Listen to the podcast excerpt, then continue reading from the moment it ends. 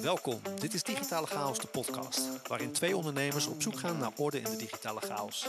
Een reis door de wereld van ondernemen, psychologie, marketing, design en filosofie. Luister mee en omarm de chaos. Mede mogelijk gemaakt door Newings, de community voor entrepreneurs door entrepreneurs, waar ze geholpen worden vanaf de oprichting tot en met de verkoop van een bedrijf. Neem je de volgende keer gitaar mee voor de soundcheck? Nou, het is wel grappig dat je zegt, want ik heb... eh, ehm, een van mijn hobby's is zingen ook. Uiteraard, naast vele andere. Maar ehm, ik, ben de la ik heb natuurlijk nu een microfoon thuis staan voor de shortcast. Mhm. En ik heb, eh, ik heb, ik heb eens geoefend met eh, mezelf op te nemen als ik zing. En Kan je een stukje doen? al publiek. Nee, hoor. nee, maar de- en ook zeg maar naar mezelf te luisteren als ik aan het zingen ben en zo. Dus eh, vind ik wel grappig. Je leert er een hoop van, moet ik zeggen. Lachen. Ja, ja. Dus, eh, Misschien komt het ooit nog even in de, in de jingle terecht. dat zou ik wel leuk vinden. Achter een Ja. Dat moet achter een Patreon-hekje met, een- eh, met een achter een abonnement. achter een paywall, ja. Absoluut. Sponsor ons nu via petje.af en je krijgt toegang tot eh, de liederen van Jasper. De liederen nog. Dat klinkt alsof ik psalmen ga inzingen. Dat is ook zo wat, hè? Dat zou ik wel een mooie trend vinden. Maar het is wel grappig, want we hebben dus zangmicrofoons. En ehm, eh, waarmee we de podcast opnemen. En die zijn heel erg goed. Alleen wat ik soms wel merk, ik moet zeg maar de, ehm, het volume waarmee die opneemt, die moet ik vrij hoog zetten. En dat is het verschil met een podcastmicrofoon of een zangmicrofoon. En, ehm, en daardoor heb ik iets minder marge dat als je net wat te hard praat of te hard lacht, dat die dan eroverheen gaat. En, maar dat komt natuurlijk omdat je met zingen eh, heb je überhaupt meer volume wat je gebruikt in je stem en meer power achter je stem. Dus daar heeft hij juist weer minder gain voor nodig. Dus dat vond ik wel weer leuk om te horen, om Ja. te merken met het opnemen en zo. Weet je spelen.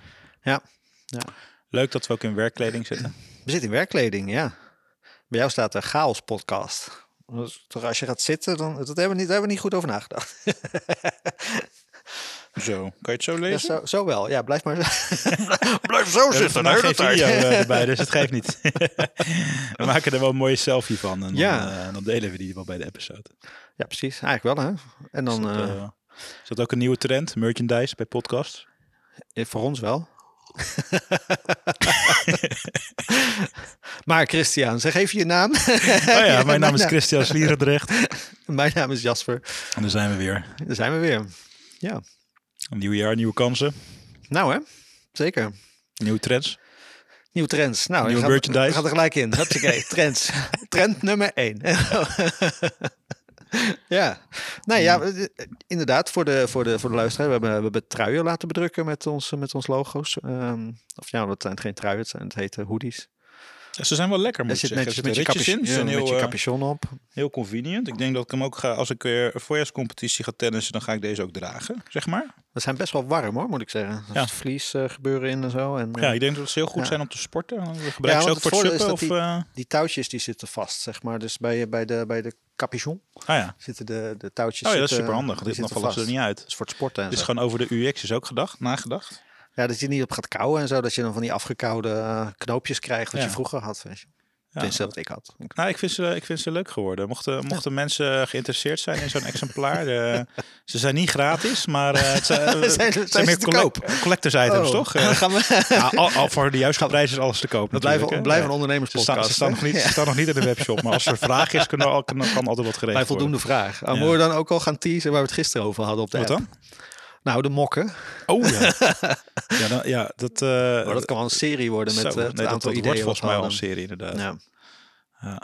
En Ja, als ik is- LinkedIn moet geloven, moeten ze in Comic Sans. Ja, inderdaad. Inside jokes. Ja, oh, het- wacht, maar dit is natuurlijk volgende week. Ja, dat is een week geleden dan voor de, voor de, eh, voor de luisteraars. Maar goed, onze trouwe luisteraars weten waar het over gaat. Nou, had je voor, voor, voor eh, einde, eh, eind vorig jaar ook, eh, zeg maar, toen ontplofte zeg maar de, de, de LinkedIn timeline een beetje met iedereen die dan terugkijkt op het jaar en vooruitkijkt op het jaar en doelen. Het leek alsof het alleen nog maar, het alleen nog maar ging over doelen. Ik heb daar natuurlijk voor, vorige week een shortcast nog even over opgenomen, dus Ja. het is een heel logisch moment. Ja. En, ehm, en tegelijkertijd zie je dan ook dat op een gegeven moment, zeker op eh, platformen als Frankwatching en zo, dan doen artikelen die over trends gaan, die doen het gewoon hartstikke goed altijd. Ja. Maar ho- hoe komt dat, denk je? Zal ik dat eens even haarfijn uitleggen? nee, nee, ja. Ehm, ik denk dat iedereen een beetje in de modus gaat van, van uh, bezinning eventjes zo tussen, zeker tussen kerst en oud en nieuw. Hè. Dan heb je natuurlijk ook even zo'n week van gekke tijd waarin ik, ik was, ik was ehm, tussen kerst en oud en nieuw ook in de stad. En dan merk je ook zo'n uh, hordes met mensen die gewoon in de stad lopen op een donderdagmiddag of zo, of op een dinsdag. Die daar ook een beetje lopen zo van, ja, wat moet ik anders doen eigenlijk op deze tijd? Ja, Want het is zeg maar, ja, eh, je gaat niet werken, de meeste mensen in ieder geval niet. En, uh, of kantoorbanen, laat ik zo zeggen. En um, uh, ja, het is, het is niet echt een periode om vakantie te gaan. Het is echt een periode om zeg maar een beetje thuis te blijven. Dus, en ik denk dat bij heel veel mensen gewoon even wat ruimte komt dan ineens om te bezinnen en uh, even terug te kijken. Je wordt soort van gedwongen om gastrecht te nemen. Ja, denk wel. Omdat de wereld, omdat de, eigenlijk de hele wereld een beetje lijkt stil te staan. Ja.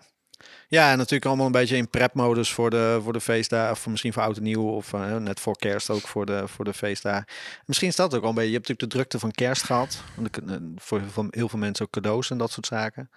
En dan een beetje de voorbereiding misschien voor de feestjes van oud en nieuw. Maar uh, ja, nee, ik denk, denk een beetje bezinning. En ik merk bij mezelf ook altijd een beetje dat ik... Um, nee, gaat door een nieuw jaar in. En Ondanks dat dat niet altijd hoeft te voelen als een uh, hele frisse start of als, uh, als echt iets nieuws. Want ja, de dagen gaan wel gewoon door.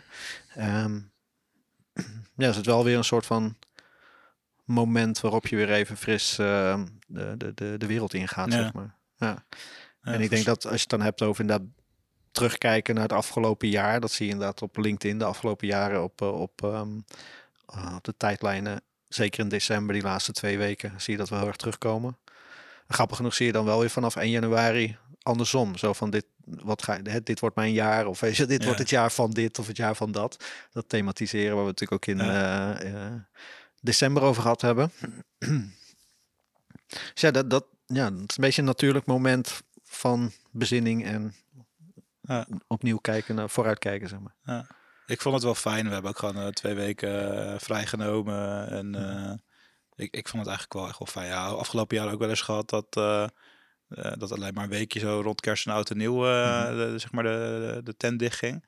Ja. En traditioneel was het vaak wel zo ook wel een, drukke periode. Maar ik merk nu wel echt dat zeg maar het, het ombouwen van het businessmodel en, en gewoon dingen wat anders organiseren ervoor heeft gezorgd dat er nu gewoon echt gewoon, ja, net als de rest van de van, van het land bij wijze van spreken, gewoon konden we gewoon rusten en even vooruitkijken.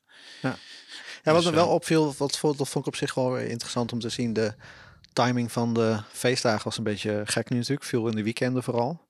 Um, mm. En ik had eigenlijk verwacht dat mensen na oud en nieuw vrij snel weer aan het werk zouden gaan misschien. Of sommige kantoren misschien. Iedereen, ja, ik denk maar ook wel dat iedereen een beetje moest opstarten. het voelde alsof er een... Uh, die, die, die eerste week van januari hadden de meeste mensen vrij. Ja. En dat was eigenlijk wel grappig om te zien. Van het voelde een beetje vreemd of zo. Dat ja. je normaal gesproken wat korter daarop weer gelijk aan het werk gaat. Ja, dus het ligt een beetje... De, de, de timing van kerst en oud en nieuw... dat uh, heeft vaak een beetje invloed op wat mensen zichzelf ook gunnen qua...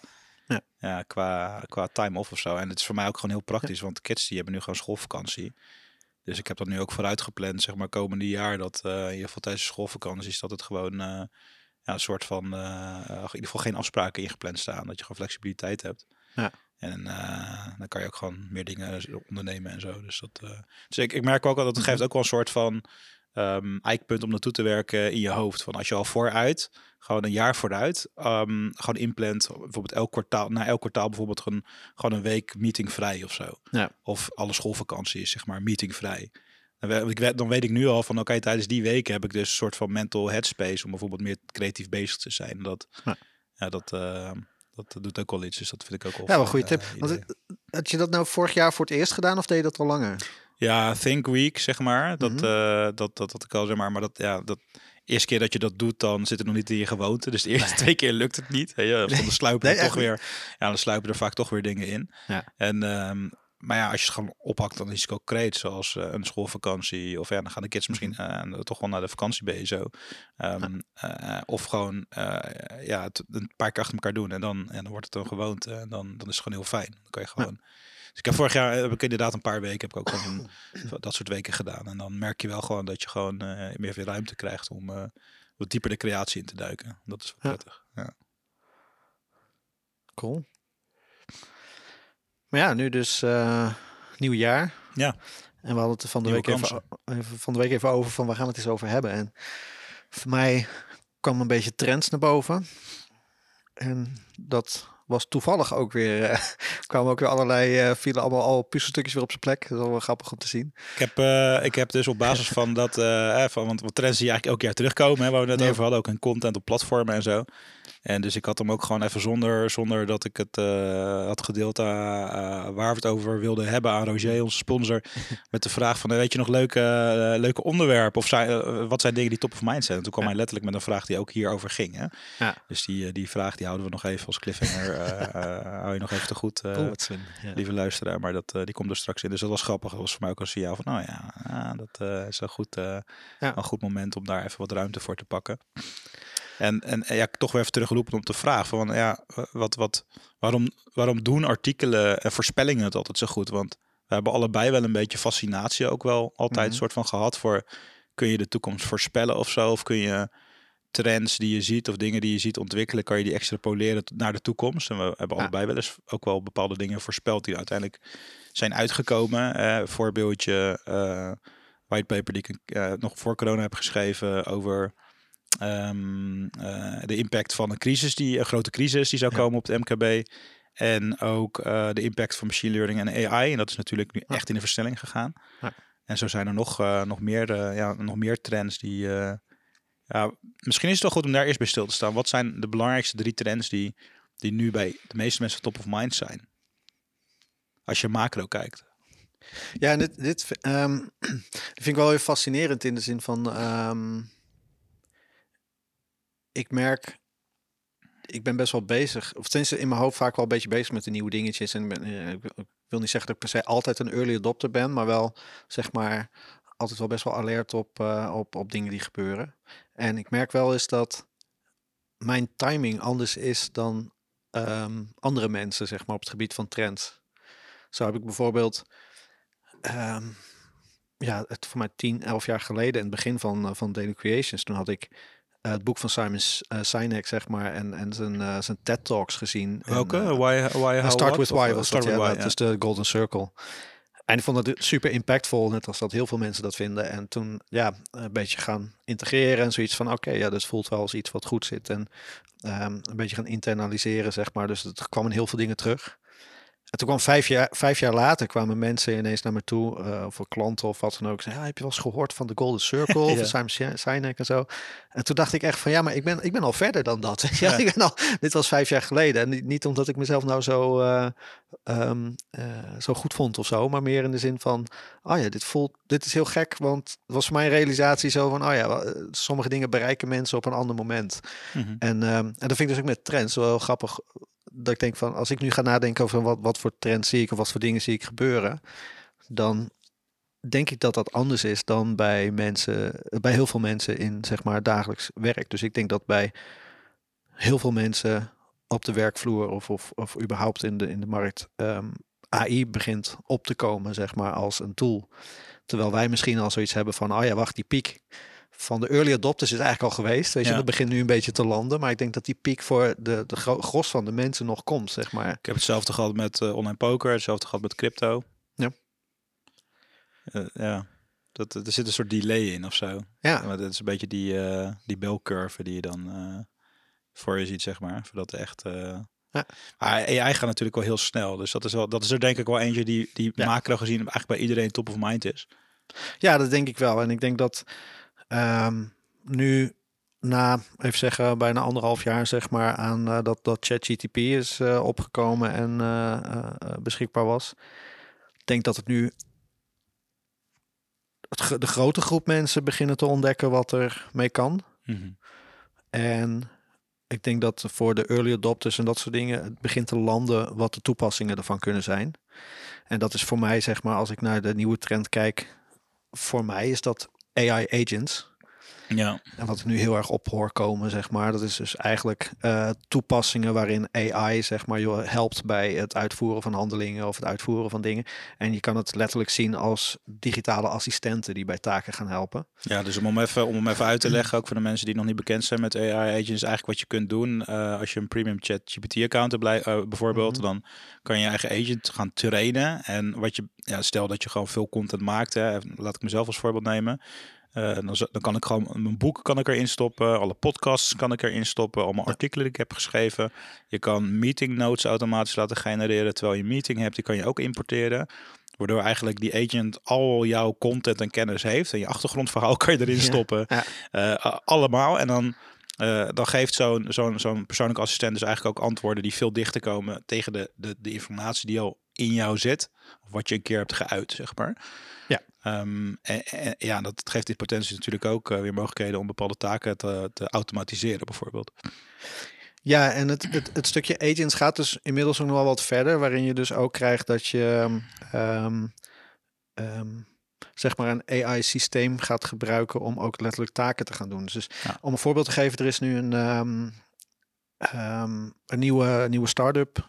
Die heeft een, van de week een presentatie gedaan van de Rabbit. En dat is letterlijk een handheld apparaatje met een 360 graden camera. Waarmee je dus uh, naast je telefoon bij wijze van spreken door de wereld kan lopen. En je kan letterlijk zeg maar uh, van iets wat je ziet uh, de camera aanzetten. Je kan daarop klikken. En die AI kan voor jou helpen interpreteren wat je daarmee kan, zeg maar. En dit is een systeem wat... Um, het is LAM-based. Ik ga er niet veel op de inhoud in, want ik weet er ook nog niet alles van. Maar je hebt dus zeg maar een language model, je hebt een image model en je hebt wat andere modellen die dan gaan helpen. Maar dit is dus een apparaatje waarbij je naar je koelkast kan lopen, je een foto maakt van je koelkast en dat hij uh, suggesties geeft voor recepten. Um, het is een apparaatje wat je kan vragen, uh, allerlei vragen kan stellen waar gewoon antwoord op geeft. En dat combineert zeg maar een aantal modellen mm -hmm. en het maakt letterlijk een broekzakassistent. Ja. En ja, dat zijn hele, dat, dat worden hele praktische toepassingen zeg maar van agent omgevingen. Maar wat je dus ook kan doen, is je kan dit systeem lesgeven. Dus je kan letterlijk zeggen van Um, ik gebruik Spotify voor mijn muziek. Dus je kan een koppeling maken richting Spotify. Nou, dan, dan, speelt hij gewoon je muziek af. Maar je kan ook zeggen van nou, ik wil om uh, acht uur s ochtends wil ik dat jij mijn uh, koffieapparaat uh, in de keuken aanzet met ja. een smart plug. Dat je deze muzieklijst aanzet. Dat je um, voor mij voor die dag de agenda zeg maar voorleest en bij wijze van spreken dat soort dingen allemaal gaat doen. En dan stuurt dat ding al jouw apparaten aan en je kan hem een soort van ja, een Ja. Hele, heel, heel ding programmeren waarin hij dus bepaalde dingen gaat doen. Dat kan veel complexer. Dus als je bijvoorbeeld eh, programma's gaat combineren en, en, en layouts en, en zelfs eh, generative AI gaat toepassen. Zo van nou, schrijf om drie uur morgen de show notes voor deze episode. Analyseer het in deze, of speech to text in deze tool. Export naar die tool. Maak show notes. Exporteer dat naar de podcast host bij wijze van spreken. Zou dat allemaal Je kan kunnen. allemaal if, the, if this then thatjes maken. En Ja. we, we het verleden ook wel eens over hebben gehad. Volgens mij, je, alles, alles wat geautomatiseerd kan worden, zo geautomatiseerd worden. Ja. En eh, ja, ik heb ook wel eens een keer gehoord, maar eh, waarom noemen ze een smartphone een smartphone? Weet je, de grootste onderscheidende factor destijds was deze telefoon maakt ook foto's. En Ja. daardoor kwamen er opeens heel veel nieuwe toepassingen bij die je kon combineren, weet je wel. En met social media en nou, noem maar op. Maar als we er even vanuit gaan, hè, want we hebben het over trends en een een vooruitblik op de toekomst. Mhm. En vanuitgaande dat die toepassingen dus een soort van eh, mainstream worden en betaalbaar voor iedereen en dat het geïntegreerd wordt, Mhm. dan ga je dat soort basale taken als in de koelkast kijken en in, een inschatting maken wat je nodig hebt qua boodschappen. Die inschatting ga je niet meer maken.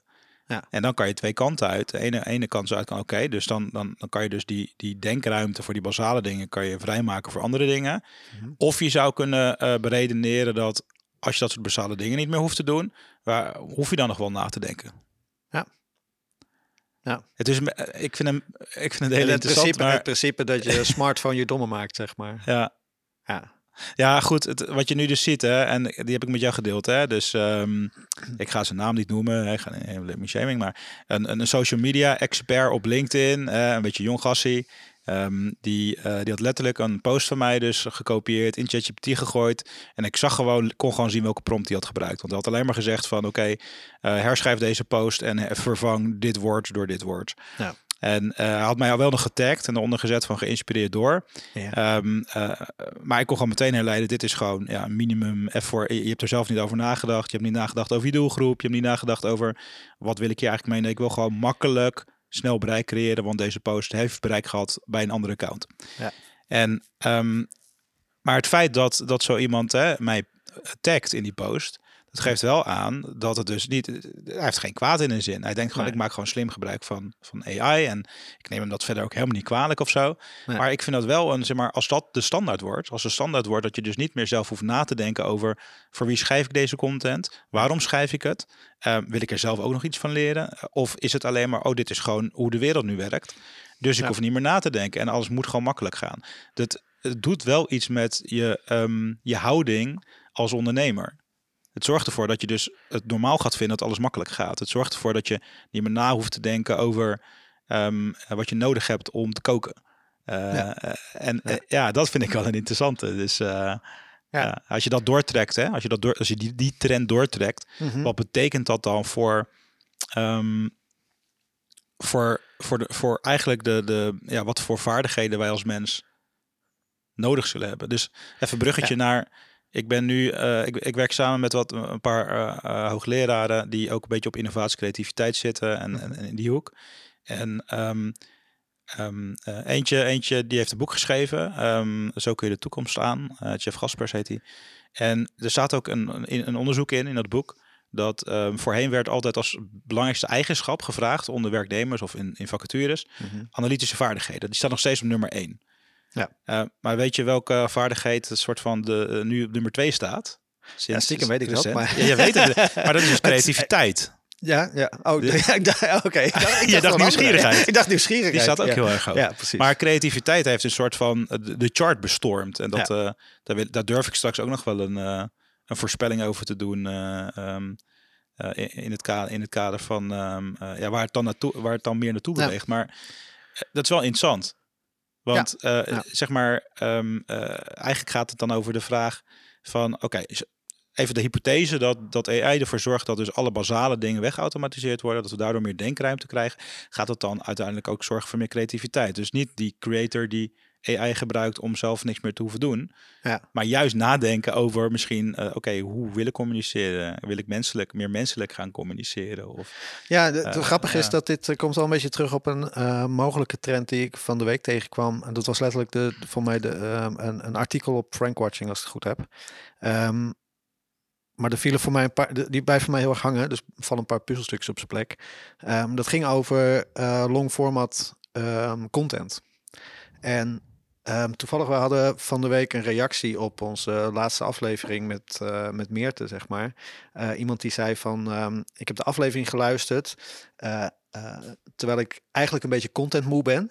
ja. Ehm, en deze sprak me heel erg aan. Even, even hoe heet het? niet letterlijk gequote. Maar dat, dat, dat triggerde voor mij ook weer naar dat artikel toe. Zo van, oh ja, maar er komt zoveel AI content de wereld op. We hebben het allemaal ook. Er is ook zo'n golf geweest op LinkedIn. Ik weet niet of die nog steeds zo sterk is, maar ook van allemaal AI gegenereerde content.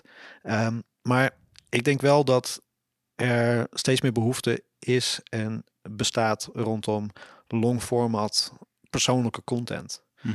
En, authentieke content, content echt Ja. authentieke content. en ik denk stiekem zelfs dat, ten stiekem, maar ik, ik denk dat het succes van podcast daar ook een beetje ehm, eh, een, een trend laat zien.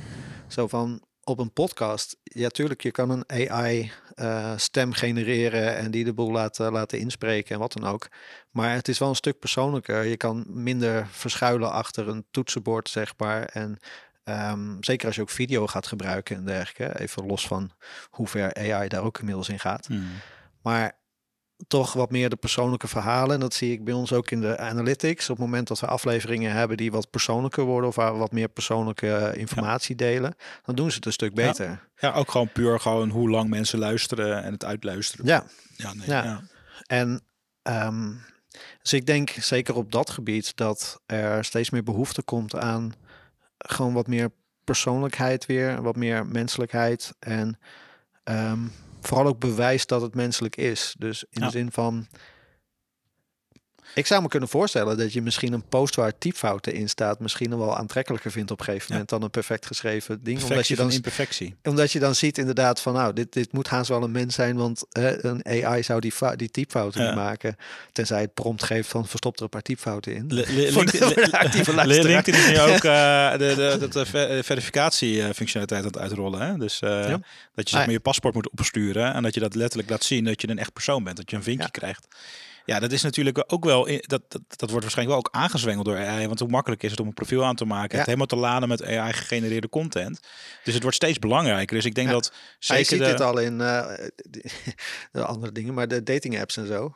Ja. Daar is verifieren van je profiel is dat zit in alle apps. Ja? En ehm, ik, ik kijk daar wel eens naar als je als je als je aan het swipen bent en soms zijn de krijg je dan ook een vinkje of niet? Dan krijg ik een vinkje. Ja, dus Als je, maar dus je kan dus zien als iemand niet geverifieerd is, dan kan het dus gewoon een, bot zijn. Of een, Ja, je moet een, een selfie insturen met een bepaalde houding. En die is volgens mij eh, is die random. Dus, Nou Maar goed, ik verwacht dat daar misschien enigszins eh, te frauderen kan, laat ik zo zeggen. Maar ehm, nee, over het algemeen, als je twijfelt over een profiel of wat dan ook, er zit natuurlijk een hoop eh, spam en eh, gekkigheid op, op die dating apps. En ja, het af en toe is wel handig als je kan zien van oké, deze is verified. Dus je hebt iets meer eh, vertrouwen in het feit dat Ja. deze persoon echt is. Of op zijn minst. Maar ik denk, de- ik dat, dat, dat, dat is dus ook wel een voorspelling of een trend die ik, die ik zie. Van het, het wordt dus steeds belangrijker dat dus eh, daadwerkelijk de, de creator echt is. En Ja. ook je track record. Dus daarom is denk ik ook gewoon je, je online reputatie, die is altijd al belangrijk geweest. Maar eh, dat, het, dat het daadwerkelijk een track record achter zit, dat, dat wordt steeds belangrijker. Want anders is het heel erg makkelijk voor eh, iemand om nu heel snel eventjes eh, de, trucendo- de, de Alex Hormozy trucendoos open te trekken. En, eh, en snel even content te genereren en je neer te zetten als een Ja. expert. En vervolgens poep te verkopen. Nou, maar Ehm. ik vind het bijvoorbeeld best wel interessant. Kijk, je hebt nu op YouTube, ehm, ehm, moet je volgens mij ook gaan aangeven of iets ehm, AI gegenereerd is aan content. Oh ja. En ik vind het niet erg soms om content te kijken of content te, tot me te nemen die door AI gegenereerd is. Ik vind het wel fijn om te weten dat het zo is. Dus ik denk dat dat wel interessant is inderdaad. Dat je op een gegeven moment naar een soort verification-achtige ja, systeem moet gaan. En dat er zijn verschillende in- invullingen voor. Maar dat je wel inderdaad op een gegeven moment kan zien van oké, deze content is wel of niet gegenereerd door of Wordt toch weer een stap verder naar onze digitale identiteit in de metaverse. hey, maar nog even, even terug naar de persoonlijke. Want kijk, Ja. wat er nog wel interessant is. ehm, er zijn dus al manier, redelijk goede manieren om hè, door middel van een AI-agent eh, op basis van storytelling frameworks persoonlijke verhalen van jezelf uit te laten rollen die gewoon, er, die gewoon echt goed gestructureerd zijn en best wel Mhm. persoonlijk eh, klinken. En dat, en dat, zover is de stand van AI dus al. Hè? Dus dat met Ja. de juiste prompts kan dat al. En eh, tegelijkertijd, als dat je status, als dat je modus wordt, dus als dat jouw, jouw normale modus operandi wordt als creator, dan stop je dus zelf met actief eh, leren door interactie. Want, Ja, maar je- want, je, ja. en de enige manier om hem te blijven voeten is dus nieuwe, nieuwe, nieuwe stuff dus in die agents te stoppen. Eh, alleen je schrijft het zelf niet. En ik geloof wel dat als je, eh, als je, als je, eh, als dat je nieuwe modus operandi wordt, dan, dan word je uiteindelijk een slaaf van een machine. En dan, dan, dan schrijf je dus niet meer zelf. En dat is dus de keuze die je maakt. Kan een bewuste keuze zijn. Maar dan ben je dus wel de slaaf van een machine. En dat is een beetje. ehm, ik denk dus serieus dat een percentage van, van, van de populatie, misschien wel 10% of zo, dat helemaal prima vindt. Ja, maar dan is wel de vraag van eh, op welk vlak is het niet meer is het persoonlijk? Zeg maar, waar, waar- zeg maar, waar ligt de grens van persoonlijk? Want als jij een AI traint op wie jij bent. En, In een bepaald, tijd, in een bepaald moment in de tijd. Dus ja, en die hij helpt- kan en- heel persoonlijk zijn tot een bepaald eh, eh, moment in de tijd. Maar ja, als je de dimensie tijd vergeet, van je blijft zelf ook niet stilstaan als mens. In je Ja, maar als je hem blijft voeden. Kijk, ehm, eh, hij genereert jouw persoonlijke verhalen, om het zo maar te zeggen. Ehm, dus in dat opzicht, zeg maar, het is wel jouw verhaal. Het is wel jouw unieke combinatie van verhalen. Het is alleen niet door jou geschreven. Ja. En dan kan je ook zeggen van, want als je zegt van, goh, eh, eh, als, dat niet meer persoonlijk is, dan is eigenlijk een spellingchecker in Word gebruiken ook niet meer persoonlijk. Ja. Want die past ook jouw teksten aan en die helpt jou ook bij het schrijven. En dan zou ook op een gegeven moment, ehm, eh, ja, elke hulp die je krijgt bij het schrijven zou de persoonlijkheid eruit halen. Dus dat is natuurlijk wel een gek, natuurlijk filosofische vraag. Zie, dan, maar- dansende paperclip voor mijn ogen nu. ja, met, precies. maar ook als je zegt van, goh, een content creator is volgens mij ehm, per definitie een slaaf van de machine. Want je bent, Ja. je gebruikt zeg maar de Je voelt het monster kanalen en het algoritme. En, eh, überhaupt. Ja, ja, Ja, dus ehm, even los van het feit of je, of je de content inderdaad eenmaal zelf en persoonlijk genereert. Ehm, ja, je doet het met een doel en er zit een bepaalde context aan vast, zeg maar, om het eh, om ja, het goed. En dan heb je denk ik, zeg maar, de. Ik denk dat er twee, ook nog twee, twee dingen aan zijn die interessant zijn. De ene is denk ik ook gewoon, wat is je voorkeur van leren, van verbanden leggen. Dus ehm, eh, als ik hem op mezelf betrek, dan ik zou dat, dat schrijfelement heel erg missen, want dan leg ik bepaalde verbanden niet die ik nu wel leg. Ja. Ehm, en de andere ben ik heel even vergeten nu. Ja, maar ook in dat opzicht, kijk, dat hebben we in een eerdere aflevering van The Rise of the Machine hebben we het erover Ja. gehad. Kijk, als jij een, ehm, ja, het, het- is natuurlijk een, een, een onmogelijk, maar het is even als gedachte-experiment, een 100% kopie hebt van jezelf, weer trouwens. dan zou die AI of die agent op dezelfde manier schrijven. Dus het zijn, het zijn, volgens mij is dat ook. Er zitten zitten gewoon bepaalde assen en paradoxen in. Maar Ja. ehm, eh, nu ben ik hem weer kwijt. Nee, het leren, zeg maar, je hebt een bepaalde voorkeur van leren. Ja. En je hebt aan de andere kant van de as heb je dat, ehm, dat er dus eh, een trend ontstaat van dat mensen gaan herkennen dat het niet persoonlijk is. Ja. Dus je krijgt een soort van ehm, inflatie in content. En eh, eh, laten we het zeggen, deflatie op attention. Dus je aandacht wordt, ehm, het wordt nog moeilijker om aandacht te trekken. Ja. En dat heb je bijvoorbeeld ook met, met standaard hoeks op LinkedIn. Hè? Zoals ik stop ermee. Weet je wel, dat soort dingen. Dat zijn dingen, dat Ja. zijn gewoon van die trucjes. Die, heeft, die Ja. hebben even goed gewerkt. Want dan dachten mensen, oh ja, ze gaan stoppen met werken. En zo, weet je wel, nou, dan klik ik wel door. Maar eh, dat, dat, is een bepaalde verzadiging op een gegeven moment. En dus je moet wel een manier hebben om, om, om- die authenticiteit eruit te laten springen. Nou, één is dus een checkmarkje, dat je, ident, dat je dus geverifieerd wordt. En twee is denk ik gewoon wel dat de algoritmes, algoritmes dat doen ze al, dat ze zich aan het aanpassen zijn. Dus ik, ik zie ook al dat eh, de, de, de creators die nu de standaard trucjes gebruiken van foto van jezelf, standaard framework, eh verhoudje erbij, die, die, Mhm. die- het bereik neemt significant af. Terwijl ik ehm, aan de andere kant ook mensen zie die juist authentieke verhalen delen, eh, die, die in een stijgende lijn zitten. Ja. En daar zit, daar zit wel iets van, oké, dit kennen we al. Dit, dit, dit is dus niet meer. eh, eh, eh, hetzelfde heb je een beetje in die, ehm, in die skills, hè, die top voice programma's. Mhm. Van, ik heb nu zo'n entrepreneurship top voice badge gekregen door een aantal antwoorden op artikelen te geven, die dan aansloegen. En ehm, dat is ook aan het verrijken. Ja, en met hele standaard basale content, die wordt nu verrijkt. Ja. Maar dat kan alleen maar verrijkt worden met menselijke content. Ja.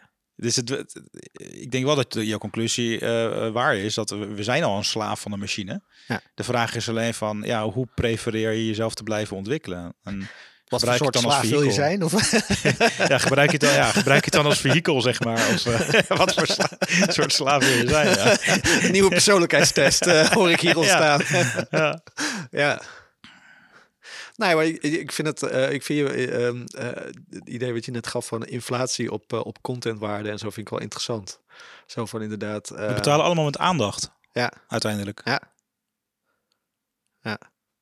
Ja, het is steeds moeilijker om waardevolle content te creëren en om, om inderdaad die aandacht vast te houden. Ja. Ja, dus dan, dan zou wel de, de, de trend zijn die we zien. dat dat die, waarde, die waarde in content zit dan wel in een stuk persoonlijkheid, uniekheid. En niet, niet per se het, eh, het, het hoeft dus niet per se de, de structuur te zijn. Want dat is natuurlijk heel makkelijk Mhm. met AI af te vangen. Maar dat zit dan toch wel in, in, in, iemand anders raken op een manier die machine gewoon Nog niet. nog niet kan. nog niet kan. ja. Nee, dat, dat, ja. Ik denk dat dat wel zo is inderdaad. Misschien leuk om, ehm, om eh, de vraag er even in te gooien die Roger had. Nou, Ehm, die had namelijk de volgende vraag. Wat is de ontwikkeling voor 2024 die wij voorspellen? Eh, eigenlijk een voorspelling waar iedereen dus rekening mee, eh, mee moet houden. poeh. Dat is een lastige zeg. Dan wil ik hem eerst aan jou stellen. de ontwikkeling ook. Ja. Hè? Dus je moet ook nog eens... Als je naar die eh, macro-trends kijkt, waar we net over hebben gehad. Van, en dan gaan we over een jaar gaan we terugkijken. uit destilleren, ja. over een jaartje gaan we terugkijken hoe erg we ernaast zaten. Ja.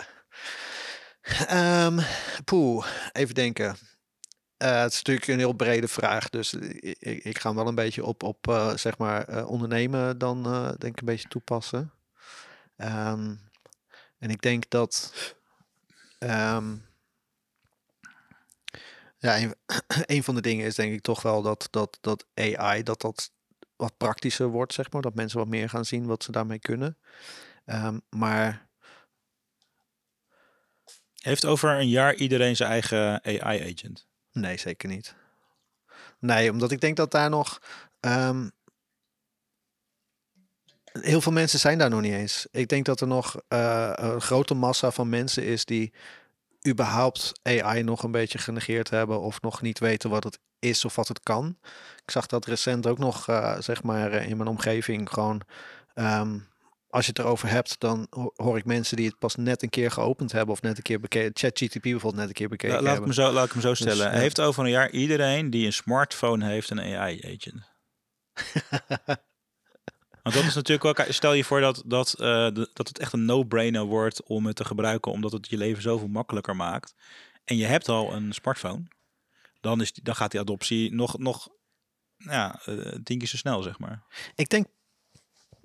Ik denk geïntegreerd wel- wordt ik in denk dat in dat opzicht wel. En misschien is het al zo, alleen niet bewust. Maar dat device waar je het over had, zeg maar, hè, die foto's maakt van je koelkast. Als je smartphone dat zou kunnen, en die koppelt al direct terug naar je be- bestel-app Ja, of zo, ja, weet ja. je wel, dat soort dingen. Ja, die, die kunnen. Kijk, die toepassingen zijn er al wel.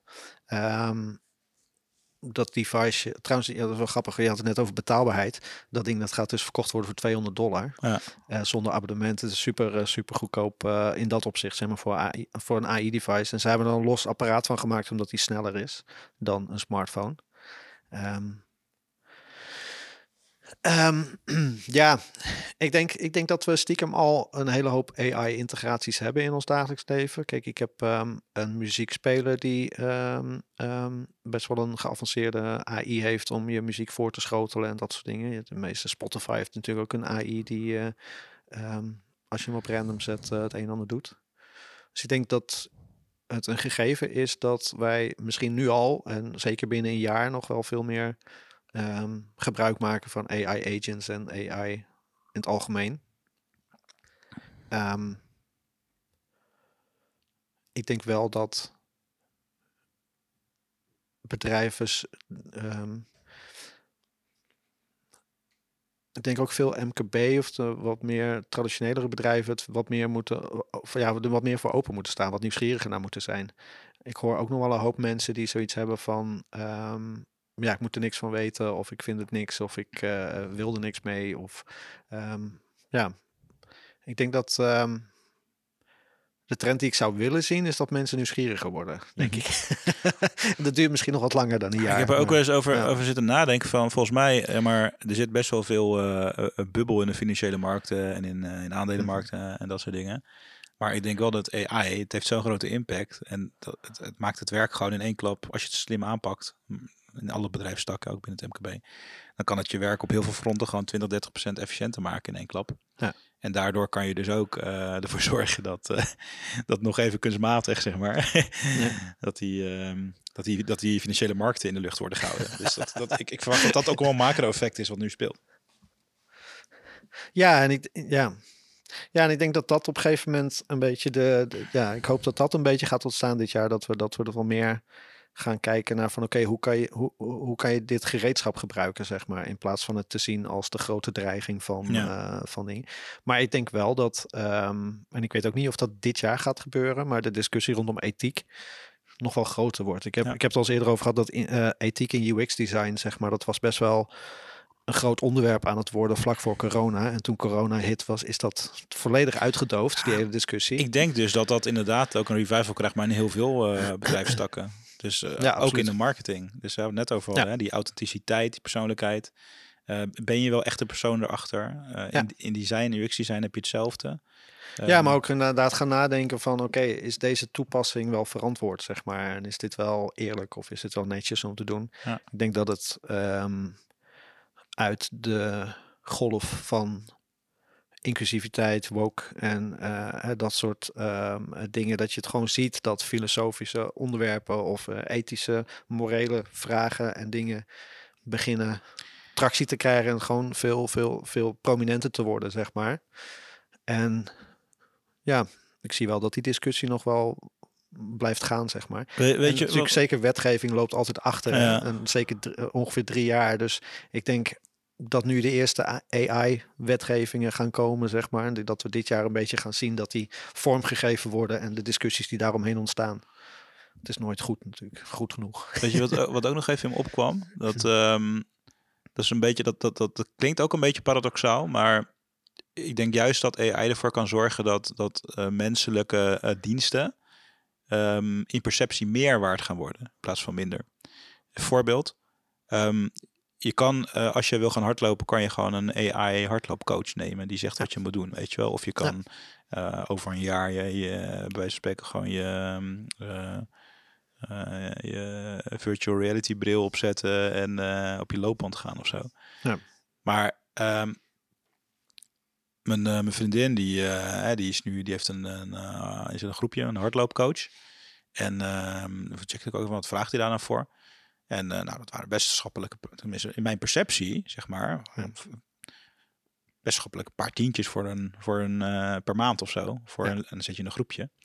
En denk van, die waarde die je krijgt van ten opzichte van als jij zoveel in die digitale wereld zit en zoveel wordt geautomatiseerd, menselijke contact wordt weer belangrijker. Dus de waarde gaat dan veel meer zitten op dat eh, menselijke stukje, menselijke ja. communicatie, menselijk contact. Zelfs al zou je iets kunnen wegautomatiseren. Er zijn heel veel dingen waarvan je kan bedenken, ja, dat kan je inderdaad wegautomatiseren. Maar je, je kan ook coaching, kan je ook wegautomatiseren. Ja. Maar ik denk juist dat er dus extra waarde komt in dat, dat persoonlijke contact daardoor. Ja, ja, en op dat vlak bijvoorbeeld, uh, ik, volgens mij heb ik vorig jaar ook al een beetje een, uh, een groei gezien in bijvoorbeeld um, coaching in de natuur. We hebben natuurlijk zelf met, uh, met Ik ben de baasdag uh, ja. van, uh, van Frans natuurlijk een ervaring gehad waarbij het bos ingaat en de natuur weer opzoekt. Mijn hele liefde rondom sub paddleboarden, zeg maar, ja. is ook gewoon het feit dat ik de natuur inga. En, en ja, dat soort dingen zijn niet weg te automatiseren, zeg maar. Um, ik zou wel heel gaaf vinden als we um, uh, AI zo goed kunnen inzetten dat we met z'n allen kunnen bedenken van nou laten we vierdaagse werkweek in gaan voeren of een driedaagse werkweek in gaan ja. voeren en gewoon veel meer ruimte gaan krijgen om uh, de natuur in te gaan, andere dingen te doen die waardevoller of beter zijn voor de wereld dan alleen maar werken en een monetair systeem uh, in, ja. uh, in, in gang houden. Dat is geen trend voor dit jaar, denk ik zo eventjes. Dat is meer de, maar... midlange, de midlange termijn waar we aan werken. maar je ziet wel langzaam die beweging, weet je. Ja, ik denk wel dat, dat we die bewegingen aan het zien zijn inderdaad. En dat, um, hoe dat vorm gaat krijgen dit jaar ben ik wel benieuwd naar. Ja. ja. Ja, het biedt ons gewoon een, uh, ook een mogelijkheid om weer na, te, her, te, her, te herdefiniëren wat menselijkheid is en wat de belangrijke dingen eigenlijk zijn, zeg maar. Ja, ja. Wil je mijn voorspelling nog horen? Jazeker. Ben ik nou zo asociaal om dat niet te vragen? dat is ook zo. nou ja, goed, het ligt een beetje in mekaars verlengde. Maar um, waar we net even hadden over die eigenschappen. Hè, van dat uh, altijd analytische vaardigheden natuurlijk. Een soort van, ja. die staan bovenaan, nog steeds bovenaan mm -hmm. de gevraagde eigenschappen onder werknemers, uh, ondernemers. Hoe vlieg je problemen aan? Ja. Um, ik denk dus dat, dat, dat alle, met, met zeg maar die opkomst van AI en al die stroomversnellingen die er nu aankomen, dat dus uh, die eigenschap uh, creativiteit, die nu nummer twee staat. Ja. En daar heb ik dan aan vastgeplakt, authentieke, creat, um, cre authentieke creativiteit. Ja. Dus dat authentieke creativiteit, dat dat uh, skill nummer, nummer één wordt eigenlijk. Um, omdat ja, weet je, uh, panterij. Uh, als alles stroomt, als, als de enige constante verandering is, ja, degene die daarop kunnen surfen, die, dat zijn creatieve mensen die zich kunnen aanpassen aan veranderende omstandigheden. En dan kan je nog eens analytisch zijn uh, als een motherfucker. Maar uh, je hebt dan geen idee wat je moet doen met chaos of met enorm complexe veranderingen. Um, dat is grappig. Dus ik verwacht ja. dus dat dat, dat, dat dat zo snel kan gaan nu, dat over een jaar dat dat, dat uh, van nummer 2 naar nummer 1 kan gaan. De meest gevraagde ja. skills. Ja, wat ik... Um en dit is nu even puur uh, wat in mij opkomt nu, nu we het zo erover hebben.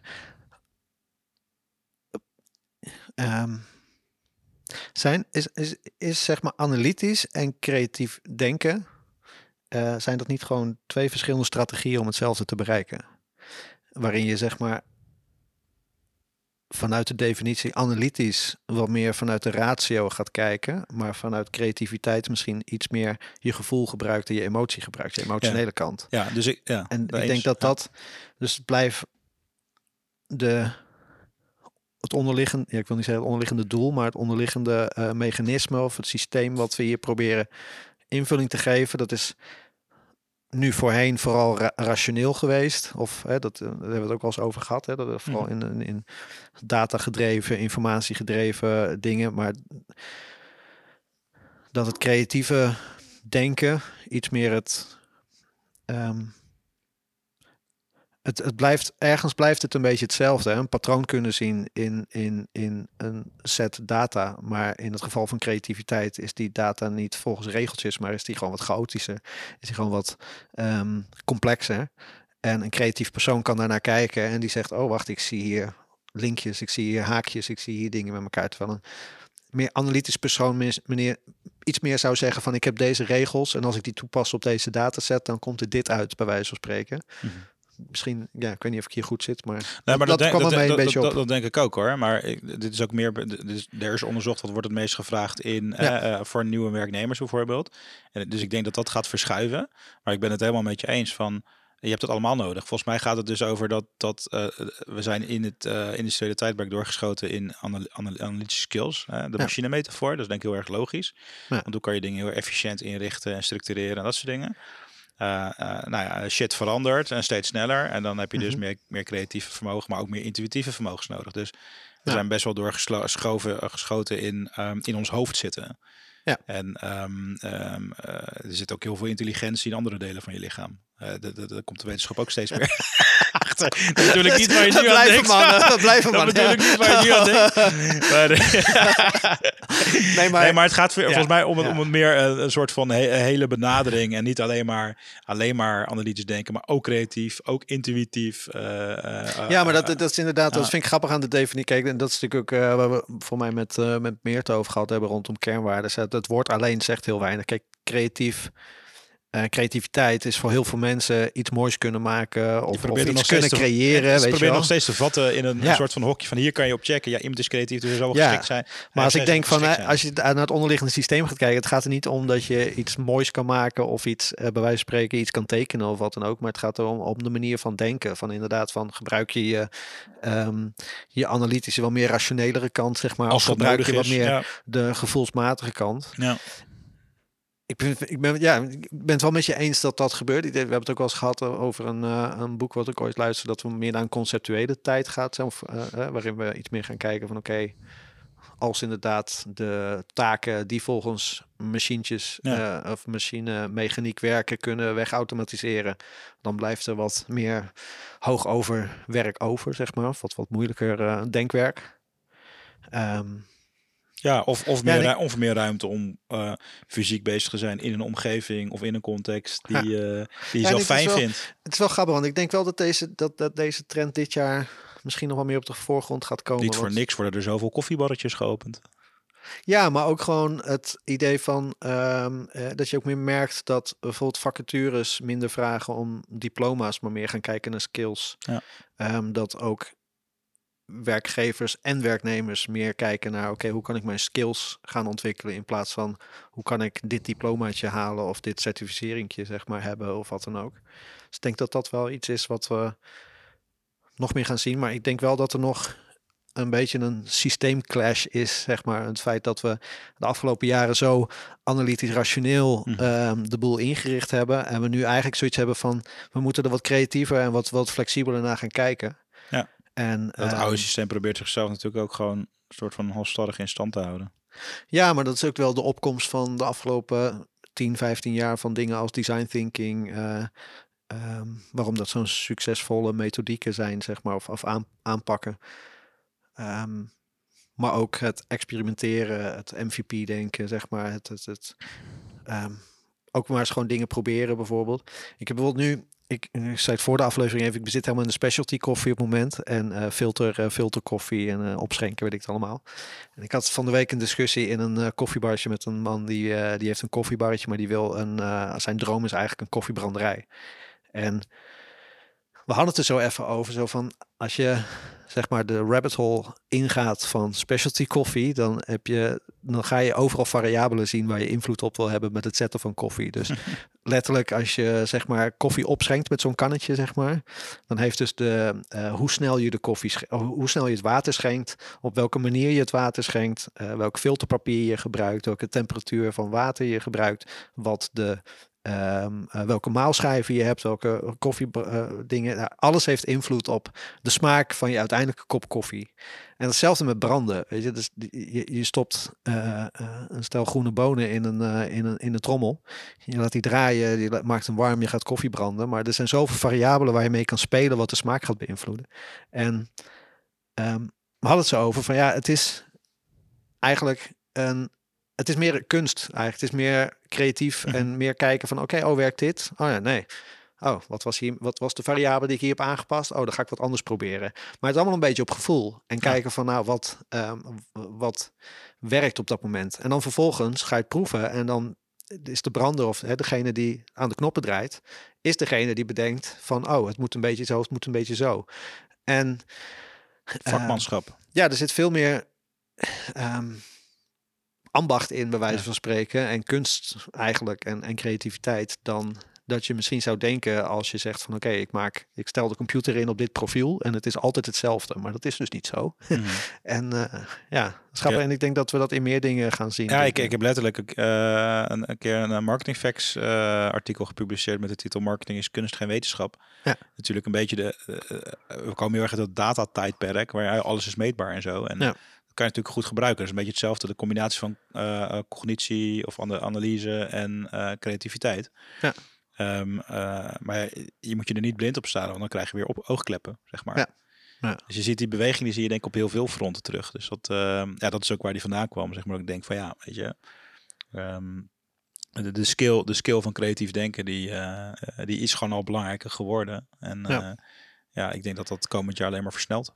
Onder Ja, en ik denk ook de lading die eraan gegeven wordt. Dus inderdaad, welke onderliggende skills daar dan, of welk, wat, wat voor definitie daaraan vasthangt, zeg maar, je nieuwsgierigheid, je, volgens mij, eh, ehm, elke dingen als het challengen van je eigen overtuigingen en zo, dat soort dingen worden steeds belangrijker, denk ik ook. Ja. Ja. Nou, mooi. Cool. We gaan eh, over een jaar gaan we weer de pelstok erin prikken. en dan checken we even wat er Kijken hoe- terecht is hoe ervoor gekomen van de voorspellingen. Dus eh, Ja. Wordt dit een jaarlijkse trendwatching podcast? Ja, toch? Eh, Ja, is leuk om te doen, toch? Ja, zeker. Cool. Alright. Nou, dankjewel voor Dankjewel. deze. Eh, mocht je het leuk eh, hebben gevonden om te luisteren, ehm, laat eh, ehm, gerust een paar sterretjes achter ter review. Dat zouden we heel tof vinden. Zeker. En we zijn te vinden op alle gangbare kanalen. LinkedIn. Stuur ons berichtje als je nog meer wil weten over dingen of eh, bepaalde onderwerpen hier wil, eh, wil terugzien. En eh, Tot de was volgende. leuk. Tot volgende. Thanks.